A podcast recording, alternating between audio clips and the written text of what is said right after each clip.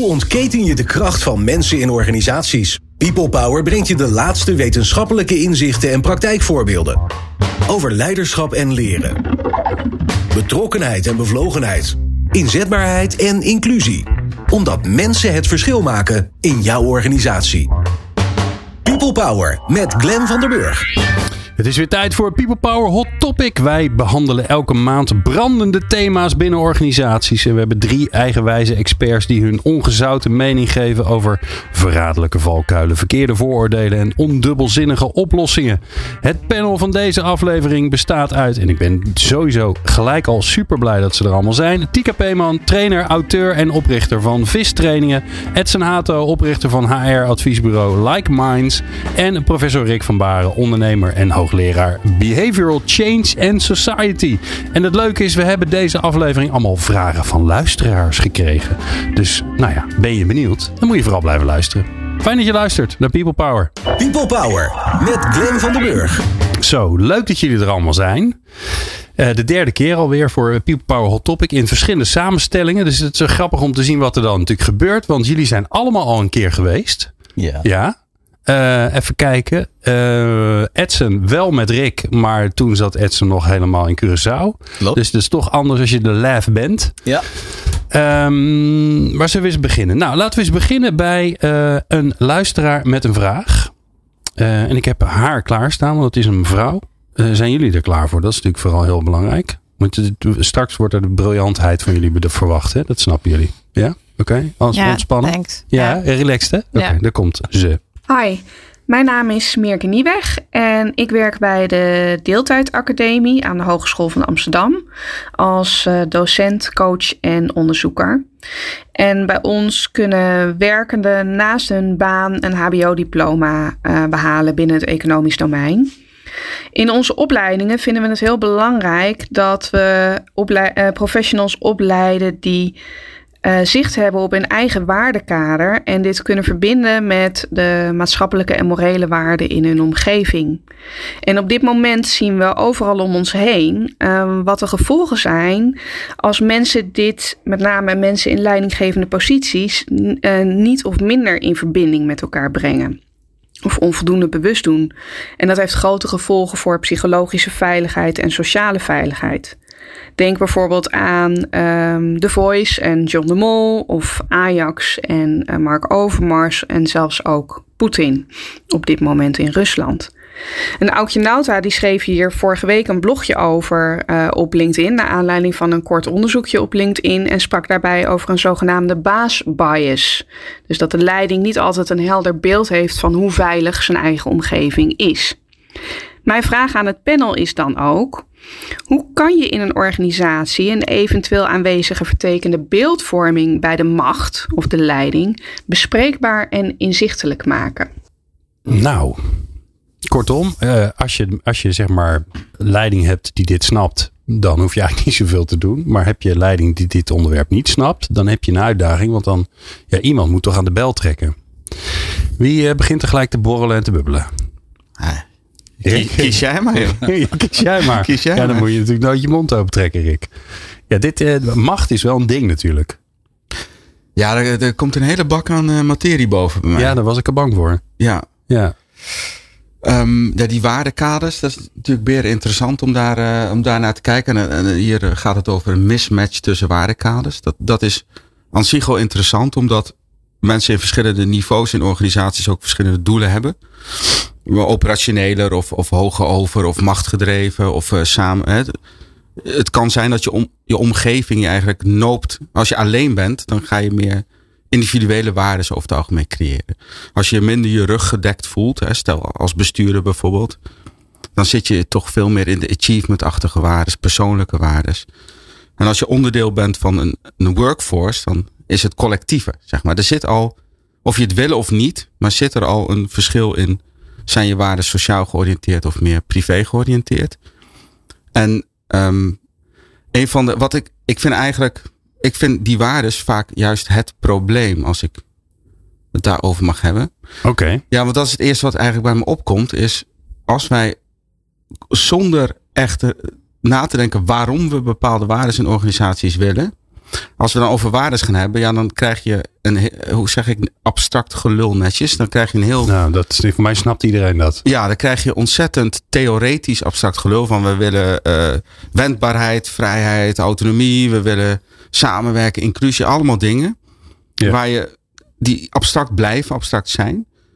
Ik denk dat je als je niet bij waardes begint, maar je begint bij werk, wat is wat zijn de primaire processen die we hebben en je werkt dan naar boven, wat zijn waardes en houdingen en mindsets die het beste werken om dat echte gedrag te krijgen. Ik, ik weet niet of je snapt wat ik bedoel. Ja, dus Maar je van- begint ja, bij ja. gedrag. Dus wat moet er gebeuren? Je begint bij datgene wat je kunt zien en snapt. En waarvan je denkt, ja, dit is nodig. En, en dan ga je een soort van. Waar je een foto van kan maken. Wat je gewoon met handen doet. Wat je gedragsmatig doet. En dan werk je van daar naar boven. Wat is het meest passend om optimaal resultaat op gedrag te krijgen? Ja, ja. En wat wij nu wat dus als je veel de doen. belastingdienst bent, dan kom je waarschijnlijk niet uit bij creativiteit. Tenminste, Nee, dat precies. hoop ik niet. Nee, maar dat, de, de juiste consultant, zeg maar, die kan dat wel in je oren stoppen. Dat je denkt, ik moet creativiteit of ja, want dat wendbaar. is heel erg nodig nu. Of, of proactief. Of Ja. feedbackcultuur of wat dan ook. oh ja, dat soort eh, bagger. ja, feedback is echt een favoriet van Tika. Nee, maar je moet ik. van onder naar boven werken. Want als je dat doet, dan align je. Dan, je begint bij gedrag. En dan align je eigenlijk waarden en mindsets met gedrag. En dan krijg je dit soort discussies veel minder. Want dan ben je de hele tijd aan het denken. Alles boven gedrag is een middel om het doel gedrag te halen. En wij draaien het heel vaak om. Wij vinden waarden een middel, mindsets een middel, veranderingen. Oh, sorry, dat vinden we doelen. Ja, ja. Terwijl het middelen zijn. En, en ik denk dat dat echt belangrijk is. Dat je dat omdraait. Oké, maar dan blijven we natuurlijk nog met de vraag van, eh van Merke zitten. Die zegt, ja, hoe ga je daar überhaupt het gesprek over aan? Nou, dat, doe je, da- dat is dan heel simpel. Dan is het heel simpel. Ja, omdat je. Oké, wat willen wij uiteindelijk maken? En wat is daarvoor nodig om dat zo goed mogelijk te maken? Als je in, van gedrag omhoog werkt, dan is het, eh, waar het, is het in lijn of niet? Hindert het uiteindelijke gedrag of niet? Dus dat, dan heb je per definitie dat gesprek. Ja. Ja, ik zit aan de voice te denken. Eh, wat is het gedrag wat we willen zien? Mensen die goed zingen. En die een beetje leuk voor de camera zijn. En dan kom je toch ergens anders uit dan eh, bij de dingen die daar gebeurd zijn. Sowieso kom je ergens anders uit. Want dat zijn natuurlijk de misstanden waar je, waar je het over... Hè, die gebeurt, dit is natuurlijk extreem, maar het gebeurt natuurlijk overal. Ja, nou, je, je hebt deelnemers die mooi moeten zingen. En je hebt een organisatie die ervoor zorgt dat de deelnemers mooi zingen. toch? Ja. Ja. Ja, dat zijn, die, hebben, die organisatie heeft andere doelen. Waarbij ik goed. Ja, heel goed. me Nee, voor kan stellen dat je me scherp dat eh, machtsmisbruik daar niet bij past als iets wat, eh, wat, wat uiteindelijk het, het resultaat haalt. Ja. Tika, waar denk je aan? Ja, de vraag is ook een beetje. Ik denk dat mensen ook hoger in de organisatie vaak een heel vertekend beeld hebben van wat mensen van ze vinden. Omdat er heel veel sociaal wenselijk ehm, feedback. Als ze al feedback krijgen, wat volgens mij niet zo heel vaak gebeurt, dan is dat heel sociaal wenselijk. Omdat het iemand hoger in de rang is, hè? of iemand met macht. Ja. Ehm, er is ook onderzoek dat, dat überhaupt leidinggevenden heel weinig om feedback vragen. Eh, zeker als ze nog wel langer in functie zitten. Hè? Dus er zit, er zit volgens mij al een. Dus je kan zeggen, hoe moeten we dat dan doen? Maar volgens mij is de eerste realisatie, als je hoog in een bedrijf zit, dat je snapt eh, dat mensen niet eerlijk eh, zijn, helemaal. Dat, dat, is- dat gaat niet over, over schuld of schaamte of zo. Dat is wat het is. Hè? Omdat je in een hiërarchie zit.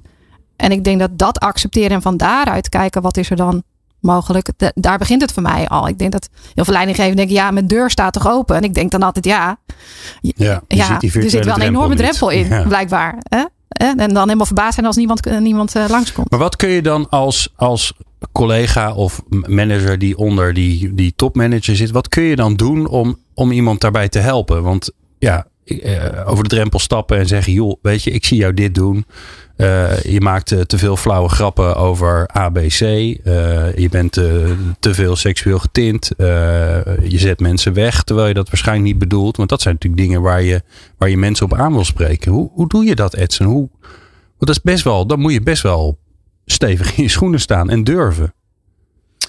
Ja, en, en het is ook best wel heftig. Ja, Maar even teruggaan naar het begin van het gesprek. Hè. Wa- Wat wij in organisaties altijd hebben gedaan is, wij gaan voor efficiëntie en dat betekent, ik maak een profiel en dan moet je op basis van allemaal kenmerken, moet je daaraan voldoen. Ook gedragskenmerken. Dus mensen werken er naartoe. Als ik hoger op wil in de hiërarchie, ga ik daar naartoe werken. Dus uiteindelijk kom je nooit echt achter wie heb je voor je? Wat voor gedrag heeft die persoon? En past dat wel in wat we doen?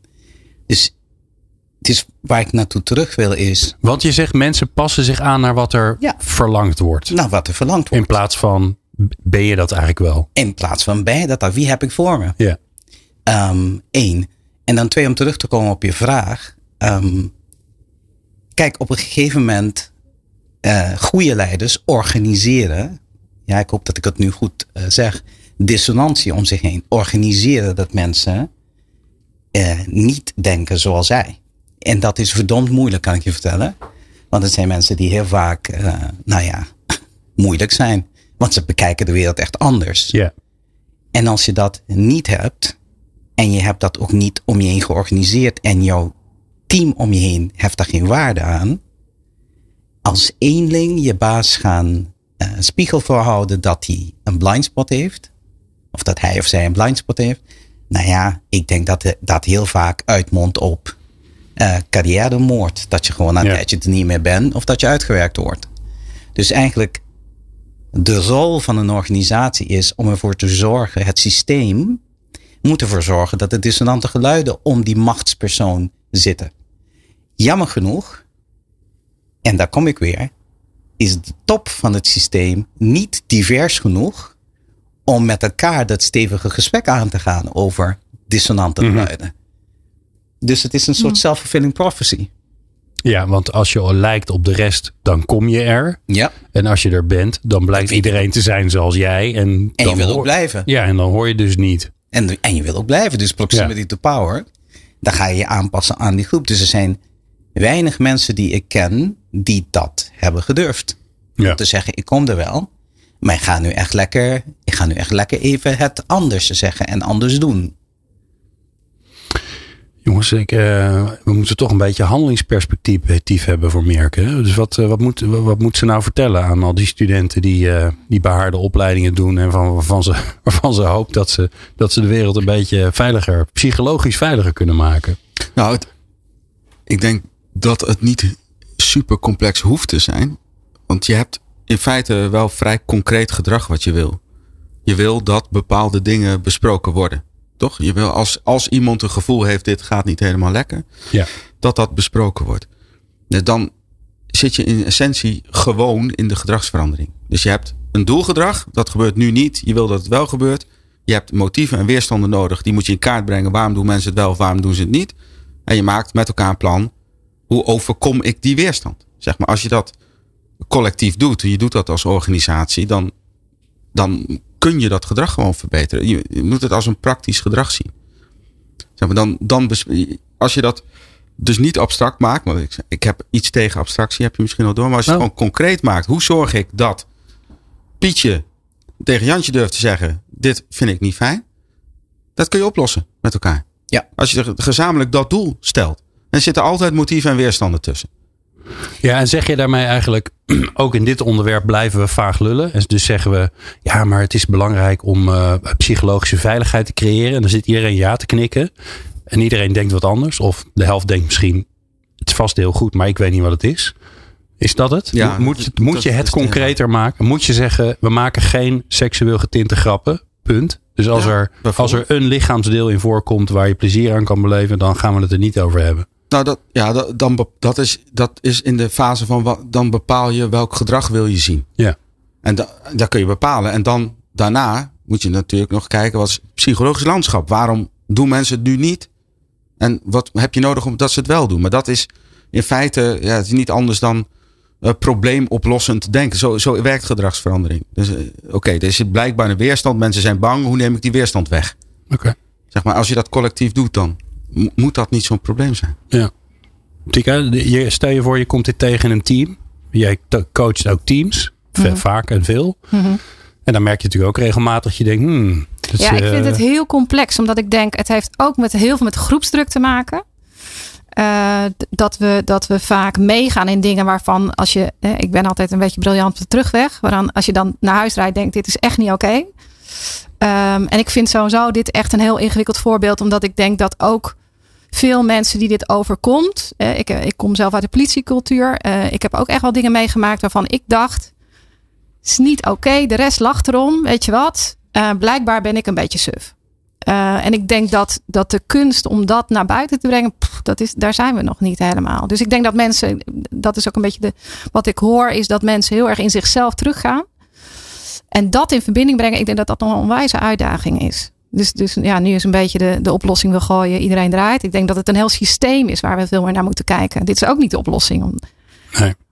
Dus ik vind het echt wel eh, een heel. Ik hou ook heel erg van eenvoud en zo. Maar dit ja, is wel. toch? Maar dit is gewoon ingewikkeld. Ja, Ja, ja maar ik, ik wil wel, je moet de dingen niet verwarren. Dus eenvoud wil niet zeggen. Wat ik bedoel is het proces is simpel. hm, Ja, ja. Ja, maar dat- Maar dat betekent niet dat het makkelijk is. Nee, niet dat het makkelijk is, maar dat betekent ook niet dat er al die, voor iedereen dezelfde oplossing is. Dus in een organisatie, eh, organisatie A kan, hoe zorg ik dat mensen het aangeven als ze iets niet prettig vinden en dat dat niet afgestraft wordt. Dat, dat veronderstelt een andere interventie dan in organisatie B. Dus dat is op maat. Alleen de stappen zijn simpel. En in die zin gaat, geldt voor, hiervoor hetzelfde als voor recyclen. Dat is heel lullig om te zeggen. Maar met de juiste analyse van hoe, waar komt het gedrag vandaan? Wat zijn motieven en weerstanden? Heb je, kun je het oplossen? Ja. Dus dat, het systeem is, of zeg maar, de, de, de, de stappen zijn simpel. Maar dat wil niet zeggen dat het makkelijk is. Maar het kan wel. Ja. En wat ik er ook nog wel ingewikkeld aan vond in de organisatie waar ik heb gewerkt, is dat, dat je best wel met mensen kunt praten over welk gedrag vinden we echt oké. hè. dat willen we heel graag zien hier. En mensen konden ook best wel eh, duiden wat ze niet oké vonden. Maar er was ook een enorm grijs veld. Eh, waar iedereen ook net weer wat anders in stond. En, en volgens mij dat veld is heel groot. En, en dan is, ja, da- daar is volgens mij niet een hele makkelijke oplossing voor. Maar dan gaat het over die dialoog. Dat je Ja. durft uit te spreken van joh, ik kan me voorstellen dat het voor jou oké is. Maar voor mij is het nu even niet oké. En hoe doen we dit dan als we samenwerken? En die mis ik soms. Dat, hè, dat, dat, dat we het lef hebben om dan maar te zeggen: Ik weet het niet helemaal zeker. Ik heb ook geen oplossing. Maar dit voelt niet helemaal oké. want het Hm. moet altijd efficiënt zijn. Het moet een oplossing zijn. Is dat misschien ook, Edson, omdat we gewoon niet gewend zijn om zo eerlijk met elkaar te praten? Überhaupt. Hè, ik bedoel, als je het in je relatie kan, gefeliciteerd. Eh, soms lukt het me. Ehm, maar in je werkomgeving, ja, ben je nou echt, kun je nou echt heel eerlijk en open met elkaar een gesprek voeren over alles wat je aan het doen bent? Ja, bij Tika wel, we werken alleen met trainers. Dat telt natuurlijk niet. Nee, dat telt niet. Eh, maar bij binnen gewoon bedrijf? Nou, ik, ik denk. ehm, afgelopen zondag ehm, zat een mevrouw aan tafel bij een, ehm, een programma op tv. Ik zal de naam niet noemen, denk ik. Maar goed. Mag wel hoor. Het mag wel op Buitenhof en ik ben haar naam vergeten. Maar ze was een schrijfster. Ze, ze, ze refereerde naar de Russische volk. En waarom zij niet denkt dat mensen eh, tegen Poetin gaan protesteren. En ze zei, eh, en ze woont heel lang in het Westen. Ze zei, ik heb hier heel veel geleerd. Maar ik weet ook dat eh, je moet ook de kans krijgen om volwassen te worden. En ook volwassen te kunnen optreden. En als het systeem dat niet toelaat, dan ga je daar nooit, nooit komen. Dus over, over eerlijkheid gesproken, ik zit te denken aan de politie en ik zit te denken aan de militairen. Right? We, we, we, we hebben ze en, en, en ze moeten een paar dingen doen en er moet er geen ruis tussen zitten. Dus die moeten goed naar elkaar luisteren en dingen uitvoeren. En dat hebben we doorgetrokken, gesimplificeerd, naar ehm, als deze grijze gesprekken tot stand komen over, mag ik refereren naar een vrouw en hoe een vrouw eruit ziet. Of dat iemand homo is en dat vinden we maar zwak en dat hoort niet in de, militair, in de, in, in de militair of in de politie. Als deze dingen gebeuren, ga je teruggrijpen naar wat is acceptabel in dat groep. En acceptabel in dat groep is meegaan met wat de rest vindt en zegt. Want op het veld doen we dat ook zo. Dus mensen blijven heel vaak stil. Dus ja, dus ergens denk ik toch, uh, wij moeten op systeemniveau dit gesprek gaan voeren om dingen te gaan doorbreken. Met andere woorden, een CEO, uh, wij, en de Raad van Commissarissen moet het gaan organiseren dat die man en vrouw gewoon feedback gaat krijgen. Ja. En dat er dus geen represaille gevoerd wordt op degene die die feedback geven. En dat hij ook daarna moet gaan handelen. En als hij dat niet kan, nou, dan moet hij weg. Dan moet iemand anders komen. Dus het moet gewoon georganiseerd worden. En jammer genoeg is dat systeem. Ja, men kent elkaar allemaal en benoemt elkaar allemaal. Dus ergens zit ook. Uh, men zit gewoon vast. Ja. Ja. Komen we er dan op uit dat. Uh, los van hè, dat uh, je enerzijds kun je de gedragsinterventies doen. waarvan de, de structuur relatief eenvoudig is, zeg ik maar even. Want jij hebt er toch wat jaartjes uh, uh, over na moeten denken en uh, op, op gestudeerd. Um, dus dat is een optie. En de andere optie is dat waarschijnlijk diversiteit ervoor gaat zorgen.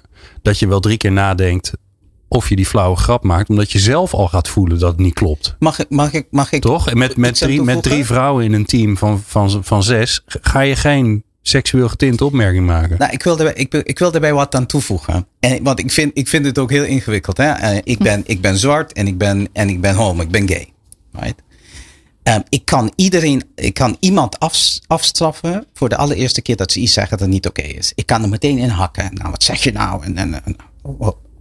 Maar ik kan ook een gesprek met die persoon aangaan. Ik kan ook proberen um, te begrijpen waar die persoon vandaan komt en een deur te openen en, en dat proces aan te gaan. Van als jij dit doet, gebeurt dit met mij. Wat, wat vind je ervan? Sta je ervoor open om? En ik denk dat we dat wel, uh, want anders stop je in een doofpot. Ja, ja. En daar ben ik in Nederland en de hele wereld nu een beetje bang voor. Er gebeuren nu allerlei dingen onder de tafel. Het gesprek wordt gewoon niet gevoerd. Terwijl we allemaal weten, het is er gewoon. Het gebeurt. Ja, het moet uit en niet open. En het moet uit en niet open, maar op een manier waarop de andere persoon niet meteen in een soort beklaagde bankje komt, maar uh, een deur openmaakt en zegt: hé, hey, ja, ik moet hier iets anders gaan doen. Ja. En daar pleit ik enorm voor. Mooi jongens, ik vond, nu al, ik vond nu al leuk. En we hebben nog meer vragen. Dat is toch leuk hè? Um, we gaan straks naar um, een totaal andere vraag. Ik zit even te kijken welke ik ga pakken. Oh, deze vind ik wel heel leuk. Um, vraag van uh, Nicole Vrijgman. Die net gestart is als junior HR consultant. En die heeft een vraag en die hoor je zo. Betere prestaties en gelukkige mensen. People Power in de studio met uh, mijn uh, fantastische panel Tika Peeman, Edson Hato en Rick van Baren. En het is tijd voor de volgende luisteraarsvraag van uh, Nicole. Nicole Vrijgman, die heeft geen audioberichtje ingestuurd, kan ik jullie zeggen. Want die heeft corona gehad, die heeft geen stem meer. Dus dat appte ze dus. Beterschap als Nicole. Um, ze schrijft, ik ben recent gestart als junior HR consultant binnen de publieke sector. Nou, gefeliciteerd. In mijn rol als consultant merk ik dat gedragsverandering een centraal thema is. Nou, Rick, hey, gefeliciteerd. Dat is mooi voor jouw vakgebied. Daarom mijn vraag aan alle gasten. Hoe maak je gedragsverandering leuk en zo leuk dat je het daardoor ook borgt? En volgens mij bedoelt ze dat je het dus blijft doen wat je van plan was te doen. Dan ga ik niet bij Rick beginnen. Want uh, dat is niet eerlijk. Nee, ook niet bij Edson. Edson zit ook gelijk door te wijzen. Het zit allemaal naar elkaar lekker. te wijzen hier gewoon. Tika, ik ga eens lekker bij jou beginnen. Hoe maak je gedragsverandering leuk en zo leuk dat je daardoor ook borgt, oftewel blijft doen wat je veranderd hebt? Ja, ik vind het wel een ingewikkelde vraag. Hoe maak je het leuk? Ja, de vraag is waarom leuk? moet het leuk zijn? Oh. Toch? Ja. Nou, ik denk omdat de aanname van Nicole is: als het leuk is, dan blijf je het doen. Oh, zo. Ja, of je moet er heel veel last van hebben. Ik denk dat het altijd wel pijn en verlangen is altijd wel een mooie combi. Je moet er een beetje last van hebben en je moet het heel. Of moet je ze allebei tegelijk hebben, misschien wel? Ja, dat, ik denk dat dat vaak wel helpt. Want soms voegen wij ook een beetje pijn toe, toch? Door mensen te spiegelen op hun gedrag en, en te laten zien dat dat. Uh, Best wel kansloos is. ja, ja. Wat de fuck ben je aan het doen? Ja, lekker, lekker, lekker belangrijk. Ja, precies. Ja. Dus ik denk dat het helpt als het pijn en verlangen een combinatie kan zijn. Um, ik denk ook dat het heel vaak niet leuk is, omdat we uh, onwijs in patronen leven. En dat een van de belangrijkste dingen voor gedragsverandering. Als, eh, ik ben ook benieuwd wat, uh, wat de beide heren vinden, maar gaat over discipline. Mm. En dat is niet een heel sexy ding Hoe is in de dat? organisaties. Hoe, ja. Hoe, ben, je, ben jij een beetje gedisciplineerd? Op een aantal dingen heel erg. En ik heb ondertussen ook al geleerd dat het een soort spier is. Dus als het op is, is het op. Dus ik, kan, ik ben heel gedisciplineerd in dingen die ik belangrijk vind. Hè. Dus ik ben heel netjes in mijn afspraken naar klanten toe. Uh, ik heb uh, heel veel ruzie met mijn moeder gehad omdat ik haar verjaardag altijd vergat. Oh ja. Dus ergens is het dan op en dan, dan thuis ben ik een halve hippie. Um, dus, dus uh, en dat, ja, ik, dat heeft slinger, altijd... slingeren wel eens wat dingen rond. Soort of. Ja, ja. ja. Nee, ik probeer ondertussen, want ik ben ook al jouw thrillers aan het lezen. Dus ik ben ondertussen ook aan het checken in hoeverre dingen die de hoofdpersoon doet, die is nogal van de slordige, of, of dat een beetje op jou lijkt. Ja, ja, dat is Weet je wel, ja. Oké, nee, dat is leuk. Dan heb ik ook weer mijn persoonlijke target gehaald voor vandaag. Edson, hoe maak je het leuk? En, en is het eigenlijk belangrijk? Moet je het eigenlijk wel leuk maken? Nou ja, ik, ik, gedragsverandering is naar mijn mening nooit leuk. Omdat um, je leeft in personen. Um, en de reden waarom je dat doet is omdat het makkelijk is. En, en de enige reden om dat te veranderen is als je echt pijn hebt of als je echt denkt het gaat niet anders. Ehm, denk ik dan. Ehm, zelfs bij kinderen doe je belonen en straffen. Ehm, en dan moet je een paar keer consistentie. Hè? Als je kinderen hebt, je moet consistent zijn. Dan moet je herhalen, herhalen, herhalen, herhalen. Want anders gaat het kind echt niet veranderen. En dan moet je als ouder ook zelf opletten dat je niet vergeet wat je hebt gedaan. Uh, de dag ervoor. Om die consistentie te behouden. Ja, ja, en je moet ook nog op je eigen gedrag letten en als je ouder. Moet ook op je eigen gedrag letten. Hè? Want anders krijg je het ook terug. Daarom, je hoeft maar één keer op je telefoon te zitten tijdens het eten en je bent aan de beurt. Ja. Dus uh, het is over en sluiten. Dus ik, ik ja, god, gedragsverandering. Ja. Ik denk. Dus eigenlijk zeggen wij nu, twee van de drie zeggen al, en ik ga zo naar Rick. De aanname dat je het leuk zou moeten maken omdat dat helpt. Mm. Maar ik denk wel dat je veel didactisch kunt doen. Dus ik denk ook wel dat we een opdracht hebben om mensen te leren om uh, te laten zien dat het lukt. Ik denk dat ook heel veel mensen denken dat, dat het heel moeilijk is. Hè? Dus als ik aan jou, hè, als ik tegen mensen zeg verander drie dingen aan jezelf, dan schieten mensen in de stress. Omdat wel de eerste idee is verandering is verlies. Dus we moeten iets uitdoen. Oh. Dat hoeft helemaal niet, maar dat is vaak het eerste wat Ja, mensen ja. denken. Ja. Uh, dus leren dat, dat verandering ook, uh, gedragsverandering ook iets oplevert. Uh, ik denk dat dat ook een deel van de, van de oplossing kan zijn. En mensen leren om het uh, voordoen is een belangrijke didactische methode die we heel weinig gebruiken. Grappig eigenlijk dat we, dat we dit überhaupt niet leren. Ja. Het soort, soort life skill eigenlijk. Als je, als, als, je, als je eenmaal enigszins snapt hoe je je eigen gedrag kan aanpassen. Zou het toch fijn zijn als iedereen dat zou weten. Rick, waarom ben je nog geen uh, basisschooltraining begonnen? Gedragsverandering. Want jij bent ervan. Het is jouw uh, vakgebied. Je Ja, bent, uh, je bent Mijn doel in het leven is om mensen op te leiden zodat zij in hun eigen omgeving uh, gedragsverandering kunnen inzetten. ja. Dus je indirect al. zit ik vast wel op een basisschool. Ja. Ja. Ja, ja, ja, ja. Nee, ik ben het helemaal uh, eens uh, met mijn collega's. Ja? Nou, ten eerste de vraag of het leuk moet zijn.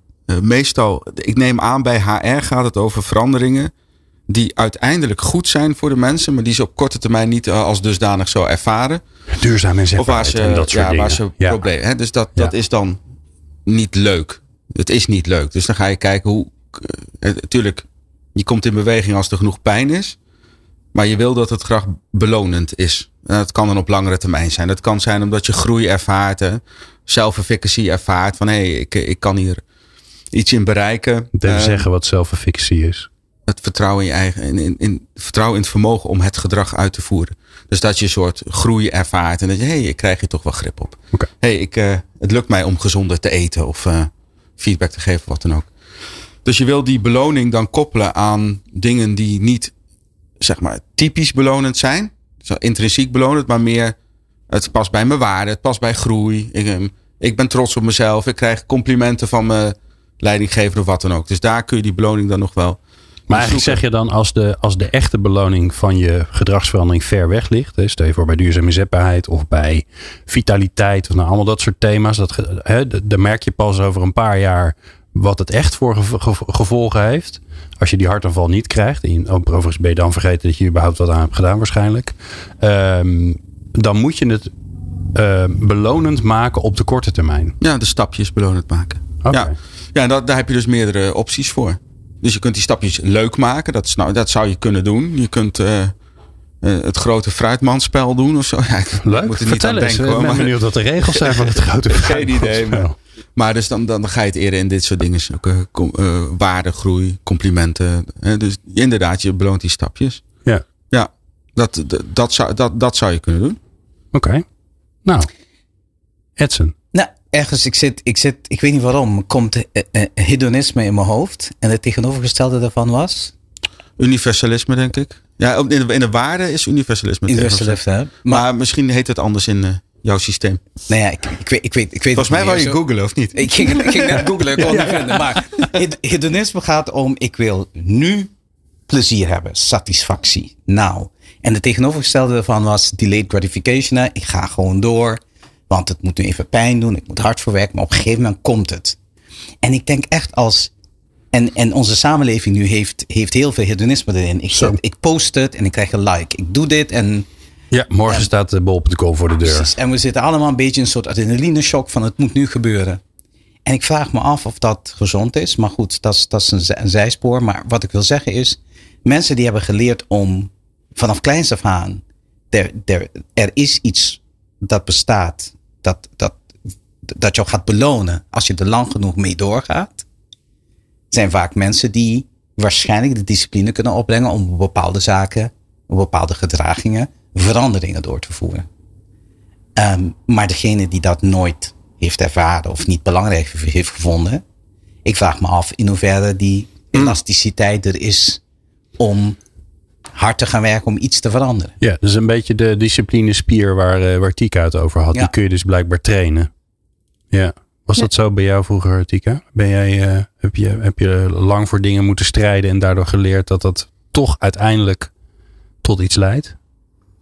Nou, een beetje wel. Dus uh, ik, uh, ik heb vrij, nou ja, redelijk hoog getennist. En dan moest je, ja, dat is heel veel trainen. Dat vond ik ook wel leuk. Maar ook. Maar niet altijd, neem Maar niet aan, altijd. Ja. dus op de een of andere manier heb ik het daar wel geleerd om, om me daarvoor in te zetten.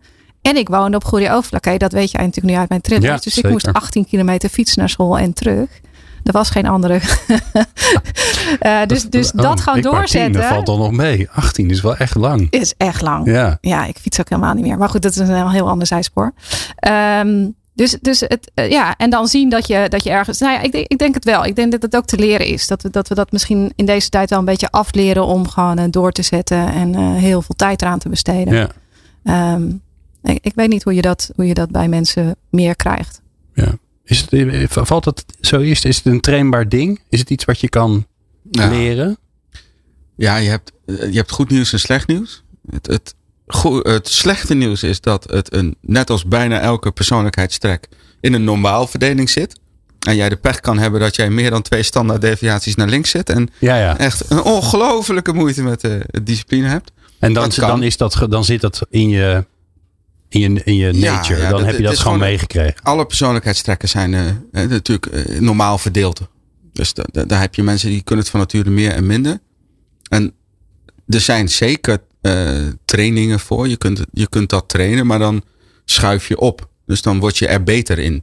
Ja. Maar als je Maar- helemaal aan de verkeerde kant zit, heb je eh, gewoon op, pech. Als je aan het, op de twee begint, ja, dan Ja. word je heel blij zijn dat je vier wordt, toch? Ja.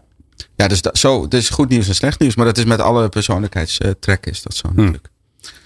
Alright. Maar het gaat toch ook wel over of je iets heel graag wil. Hoe, hoe liever je het wil, hoe minder discipline je nodig hebt. Ja. Dat scheelt ook. Ja. Maar, als je iets op lange termijn heel graag wil, Ja. ja, dat, dat zou je moeten. Ja, dat helpt natuurlijk om discipline te hebben om het nu te doen. Ja. Maar dingen die je heel graag wil, daar heb je dus minder discipline voor nodig. Dat is ook het lastige. Eudaimonia was het. Ja, Oh, je eudemonisch. Ja. kwam net naar buiten. Naar buiten. Zie je? Zie je? Dat is ook grappig hoe dat werkt. Hè? Ja. Ja. Ver weg zoeken, maar... Nou ja, zat er wel. Ja, Ja, zonder. Google, dat is wel knap. Ja, nou, daarom. Vijf punten voor, eh voor Edson. Eh, we gaan straks naar eh, de derde en misschien wel de laatste vraag. Want eh, ja, gemiddeld gezien zitten we ongeveer op een kwartiertje per vraag. Dus het gaat heel goed. Maar dat wel na dit. Leiderschap, leren, inzetbaarheid en inclusie. De laatste inzichten hoor je in People Power. Ja, we hebben meer vragen dan tijd. Dat is een goed teken, want dat betekent dat er vragen zijn. Ehm, eh, ben je aan het luisteren en denk je, goh ja, ik vind het wel leuk als eh, we tijdens eh, People Power Hot Topic ook een vraag van mij beha- behandelen. Dan kan je die mailen naar info@people-power.nl en ben je lid van onze WhatsApp service, dan kan je ons ook gewoon een WhatsAppje sturen. En ben je nog geen lid van de WhatsApp service, dan kun je op de website vinden hoe je daar lid van kan worden. We hebben een vraag binnengekregen van Esperance. Ik weet haar achternaam niet, eh, want ze stond in de rij eh, met haar kinderen van vier om eh, zich te laten testen op corona, kan ik je zeggen. Ik weet niet hoe het afgelopen is, dus ze had geen tijd om nog een keer te appen, maar ze heeft wel tijd gehad om deze vraag te appen. Nou, daar komt hij. Ik ben heel benieuwd naar succesverhalen in een verandering of, of ontwikkeling. Momenten, projecten, gesprekken, ontmoetingen die een verschil maakten en wat daarin precies de verschilmaker was. Nou, kortom, eh, we willen anekdotes eh, uit, jullie, eh, uit, jullie, uit jullie, het boek van jullie leven. wanneer je nou, ergens voor stond en ja, wat, er, wat er gebeurde en wat dan eigenlijk heel goed werkte. Ik zie Edson al enorm ja zitten te knikken. Edson, jij mag beginnen. Mag ik weer? Ja, van harte gefeliciteerd. Nou ja, ik, ik moet kijken hoe ik, hoe ik dit vertel. Het is, het is, er zijn momenten in je, in je loopbaan waarop, waarop mensen, organisaties dingen van je vragen. En bij mij gebeurt het in mijn buik dat ik spanning voel en denk van, maar hier klopt iets niet. Dus een keer had hadden we reorganisatie. En ik werd geprept door, door onze communicatiecollega over de messaging. Wat moet je zeggen en hoe moet je het zeggen? En eigenlijk beginnen met, hè, dit is slecht nieuws, maar dit is het goede nieuws. En daarna gaan we voor hè, het mooie toekomst. Terwijl de meeste mensen die naar me keken gewoon ontslagen werden. Um, en, en op dat moment, uh, ik, ik liep het podium op en ik dacht, vergeet het. Ik ga gewoon eerlijk zeggen dat het uh, gewoon kloten is. Het is kloten. Uh, jullie worden ontslagen. Ik ga waarschijnlijk ook ontslagen worden. Ik weet het ook niet. En het is kloten en we moeten toch door. En, en, en ja, het wordt een onzekere periode. We moeten toch door. En ik, ja, ik heb geen oplossing voor jullie om dat gevoel weg te nemen. Alleen we gaan ons best doen om het goed te regelen. En dat werd, dat werd echt heel goed ontvangen. En mensen zeiden, ja, eindelijk eens iemand die het gewoon zegt. Die mijn gevoel weerspiegelt naar mij. En niet een kwartsverhaal kon vertellen. Waardoor ik wegloop met het gevoel van, ja, wat is dit voor flauwekul? Er wordt toch niet naar me geluisterd. Dus ja, het zijn. Ik, ik weet niet of dat een, een, een mooi moment is, maar het is wel een moment waarin ik heb toegegeven aan mijn eerlijkheid, die me best wel kwetsbaar maakte. Want ja. mijn baas stond ernaast en die keek me ook aan van wat doe je wat nou? ga jij nou doen? Ja. Je, zou toch een, je zou toch een blij verhaal gaan Ja. afsteken? En na drie kwartier, toen hij zag dat de reacties best wel positief waren. Oh ja, nou, eh, goed gedaan. Mooi. Ja. Ja. ik vind dit een heel mooi verhaal. Maar je was de kracht van eerlijkheid. En wat het gekke is, jij voelt je op zo'n moment kwetsbaar. Maar ja, het is, ik denk dat iedereen het heel krachtig heeft ervaren juist. Maar, maar je, je stapt wel buiten de norm. Je stapt uit Oh, ja. buiten, buiten alles wat eh, jou op papier gezet is. Eh, je wordt geprept. eh, je baas wil wat. De organisatie. En, en, en de OR kan jouw verhaal ook verdraaien. En mensen kunnen ook zeggen van Hmm. wat doe je nou? En juridisch klopt het niet. Ja, ik zou zeggen dat noemen we leiderschap. Ja, nou, oké. Toch? Het, vo- het voelde niet als leiderschap op dat moment. Maar nee, goed. nee. Nou, dankjewel. Je was gewoon bang. Ik, nou ja, nee. Je bent bang. Ja, je bent tuurlijk. bang om Ja. buiten de norm te vallen. En dat het gewoon fout valt. Omdat we niet getraind worden op die kwetsbaarheid en die eerlijkheid. Dat, dat, dat word je als leider, daar word je niet op getraind. Terwijl iedereen die om je heen loopt en met je moet samenwerken. Ze snaken naar, wees nou gewoon eerlijk naar ons toe. Ja. En, en zeg waar het op, waar het op staat. Ja, mooi man. Dankjewel. Kijk even voor mij naar links en rechts. Want links eh, staat Rick en rechts staat Tika. Voor mij dan, hè. Voor de kijker precies andersom. Dan gaan ze, gaan, nu gaan ze het spelletje doen wie het langst zijn mond kan houden. Totdat er iemand met een anekdote komt. Nee, ik kan wel, ik kan wel aansluiten. Ja? Ik, ik zat wel te denken, ik moet nu heel creatief zijn. Dus er Wel gaan mee. allerlei enorme oordelen naar mijn... En toen dacht ik, ja, maar het sluit heel erg aan op jouw verhaal. Ik denk in essentie dat het, dat het denk ik altijd op eerlijkheid neerkomt. En, en dat is volgens mij super spannend. Ik weet nog wel, ik heb ooit een boek geschreven over groepsprocessen. En, en, eh, eh, en toen ik dat schreef, zat mijn eigen team, was, was, nou, ging het eigenlijk helemaal niet goed. Dus dat vond ik heel ingewikkeld om dan te bedenken dat ik een boek aan het schrijven was. Terwijl ik zelf in een soort moeras aan het verdwijnen was. En ik vond mijn collega's die ik over het algemeen heel leuk vond, vond ik ook echt heel stom. Dat ze, dat ze niet vooruit kwamen. Ik vond mezelf heel stom. En, eh, en dat heeft best wel een paar weken zo geduurd. Dat ik dacht, ik was boos. Eh, ik dacht, ja, lekker handig. Weet je wel, we doen alles samen. Maar nu is het een keer moeilijk. En dan mag ik het weer doen. Nou, allemaal van dat soort kinderachtige dingen. En op een gegeven moment dacht ik, ja, Tiek, maar dit is wel veel verder dan dit eh, kon ik niet zinken. Dus toen heb ik een brief geschreven naar iedereen. En toen heb ik geschreven: Ik ben op dit moment echt niet de beste versie van mezelf. En, en het spijt me. Weet je wel, want eh, ehm, eh, ik vind van alles. En eh, ik vind ook van alles van mezelf. En ik zou het heel graag willen hebben over wat, wat gebeurt er nou. Waardoor we niet uit het moeras komen. Ehm, nou ja, en dat heeft heel erg geholpen om in ieder geval weer bij elkaar te zitten. En we gaan nog regelmatig het moeras in. Maar het is, we, nou, we zijn er ook heel mooi uitgekomen. Ja. Ehm, en ik zeg dit misschien makkelijk of zo, maar ik denk dat, dat het helpt ook wel om dit soort dingen vaker te doen. Maar ehm, die eerlijkheid krijg je dan natuurlijk ook wel weer terug. Dus dat vond ik wel heel mooi. Maar ik vond het heel spannend om te zeggen: jongens, ik ben echt niet de versie, versie van mezelf. Eh, nou, ik heb het echt niet oké gedaan. eh, eh. En wat is dat dan? Dat we dat zo lastig vinden. Ja. het grappige is, ik, ik, nou ja, ik weet niet hoe het met jullie is. Het komt toch relatief weinig voor dat je gewoon de deksel op je neus krijgt. Meestal wordt het enorm gewaardeerd als je gewoon. Want ja, je voelt aan wat anderen ook aanvoelen. Zeker, ja. Maar ik denk wel dat, het, de, dat de opvoeding en opleiding er voor mij ook heel lang heeft gezorgd dat ik dacht dat is niet de bedoeling. Uh, je moet hele slimme, uh, intelligente dingen zeggen. Hm. En je moet ehm, objectief zijn en je moet ja. afstand nemen en je ja. moet boven, boven de rest staan. Hè? Ja, en dan ook wel vaak want mensen zeiden, ja, jij, jij kan best wel twijfelen over jezelf. Dat is niet nodig. Terwijl ik dacht, ik denk altijd, nou, het lijkt me heel zinvol dat ik dat... regelmatig aan mezelf twijfel. En dat ik onzeker ben. Maar daar zit ook best, er zitten veel normen op. Dus om je daaruit te ontworstelen en dan elke keer bij jezelf na te gaan van ja, wat wil ik nou in dit leven? Hoe wil ik omgaan met mensen? Dat is waar ik elke keer wel terugkom, ook in mijn bedrijf. Ik denk gewoon van ja, wat vind ik, wat, wat zou ik thuis oké vinden uh, en hier ook? Weet je, dat we dat gewoon veel meer meenemen. Hm. Ja. Ik zie mensen dingen in bedrijven doen waarvan ik denk als je dat thuis doet, dan, heb je, dan ben je of morgen gescheiden of je, of je wordt naar buiten gestuurd.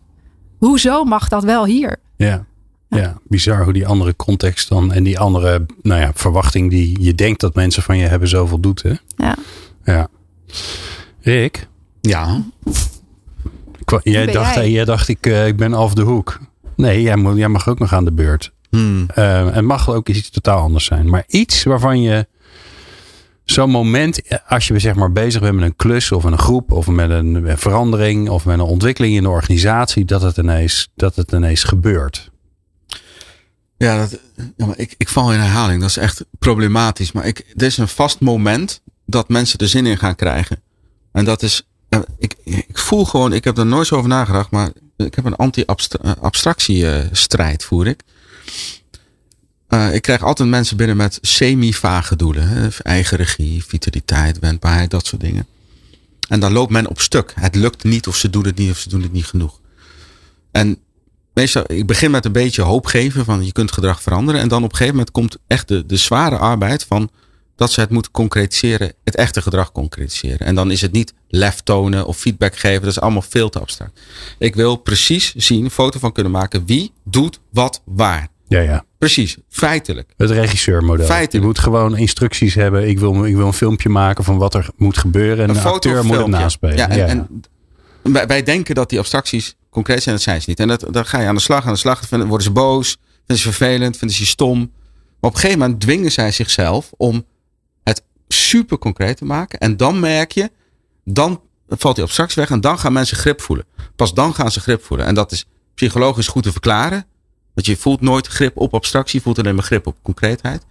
Maar dat is een beginenergie dat ik altijd denk van... Het is eigenlijk raar dat dat niet vanzelf gebeurt. Dat je mensen gewoon moet dwingen in een kamer waar ze het liefst uit willen rennen.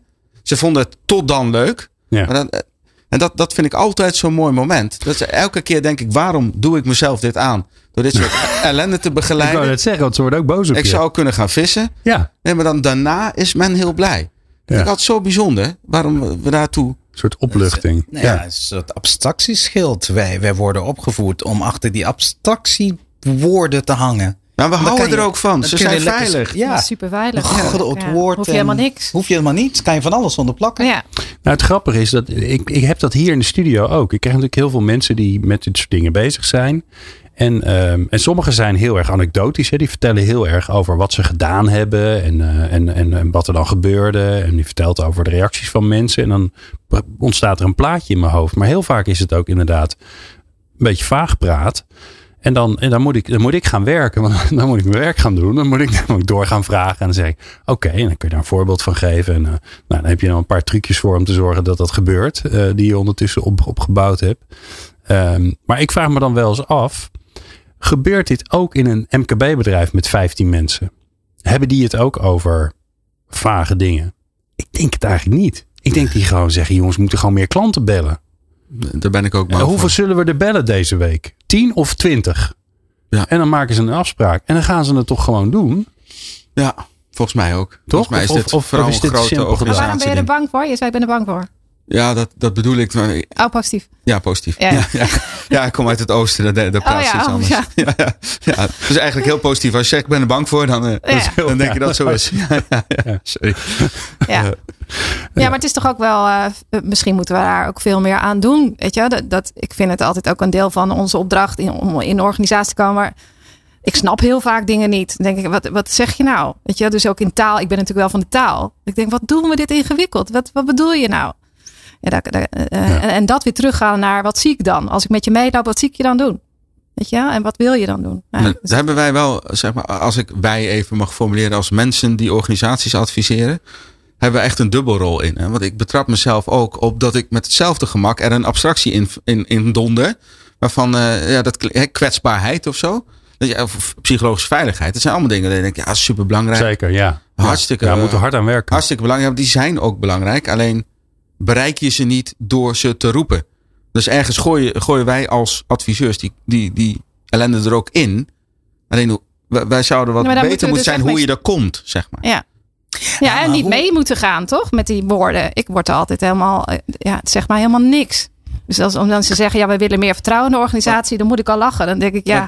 Maar als je, je loopt een, een nieuwe klant binnen. Ja. En het is onduidelijk. Je kent ze eigenlijk niet. Ik merk bij mezelf dat mijn abstractieniveau enorm stijgt.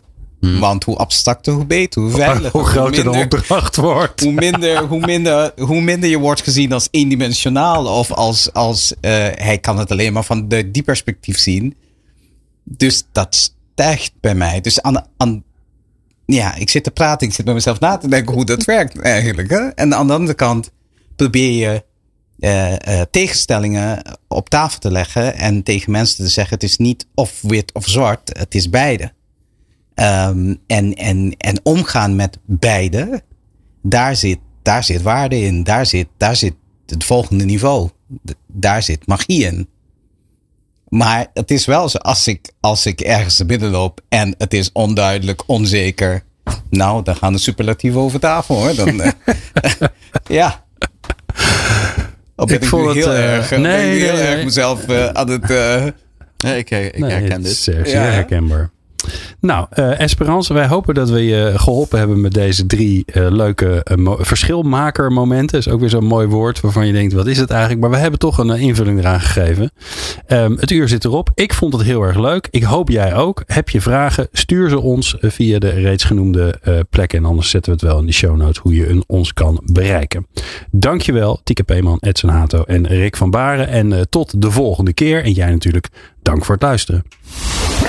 Meer afleveringen vind je op peoplepower.radio en jouw favoriete podcast app.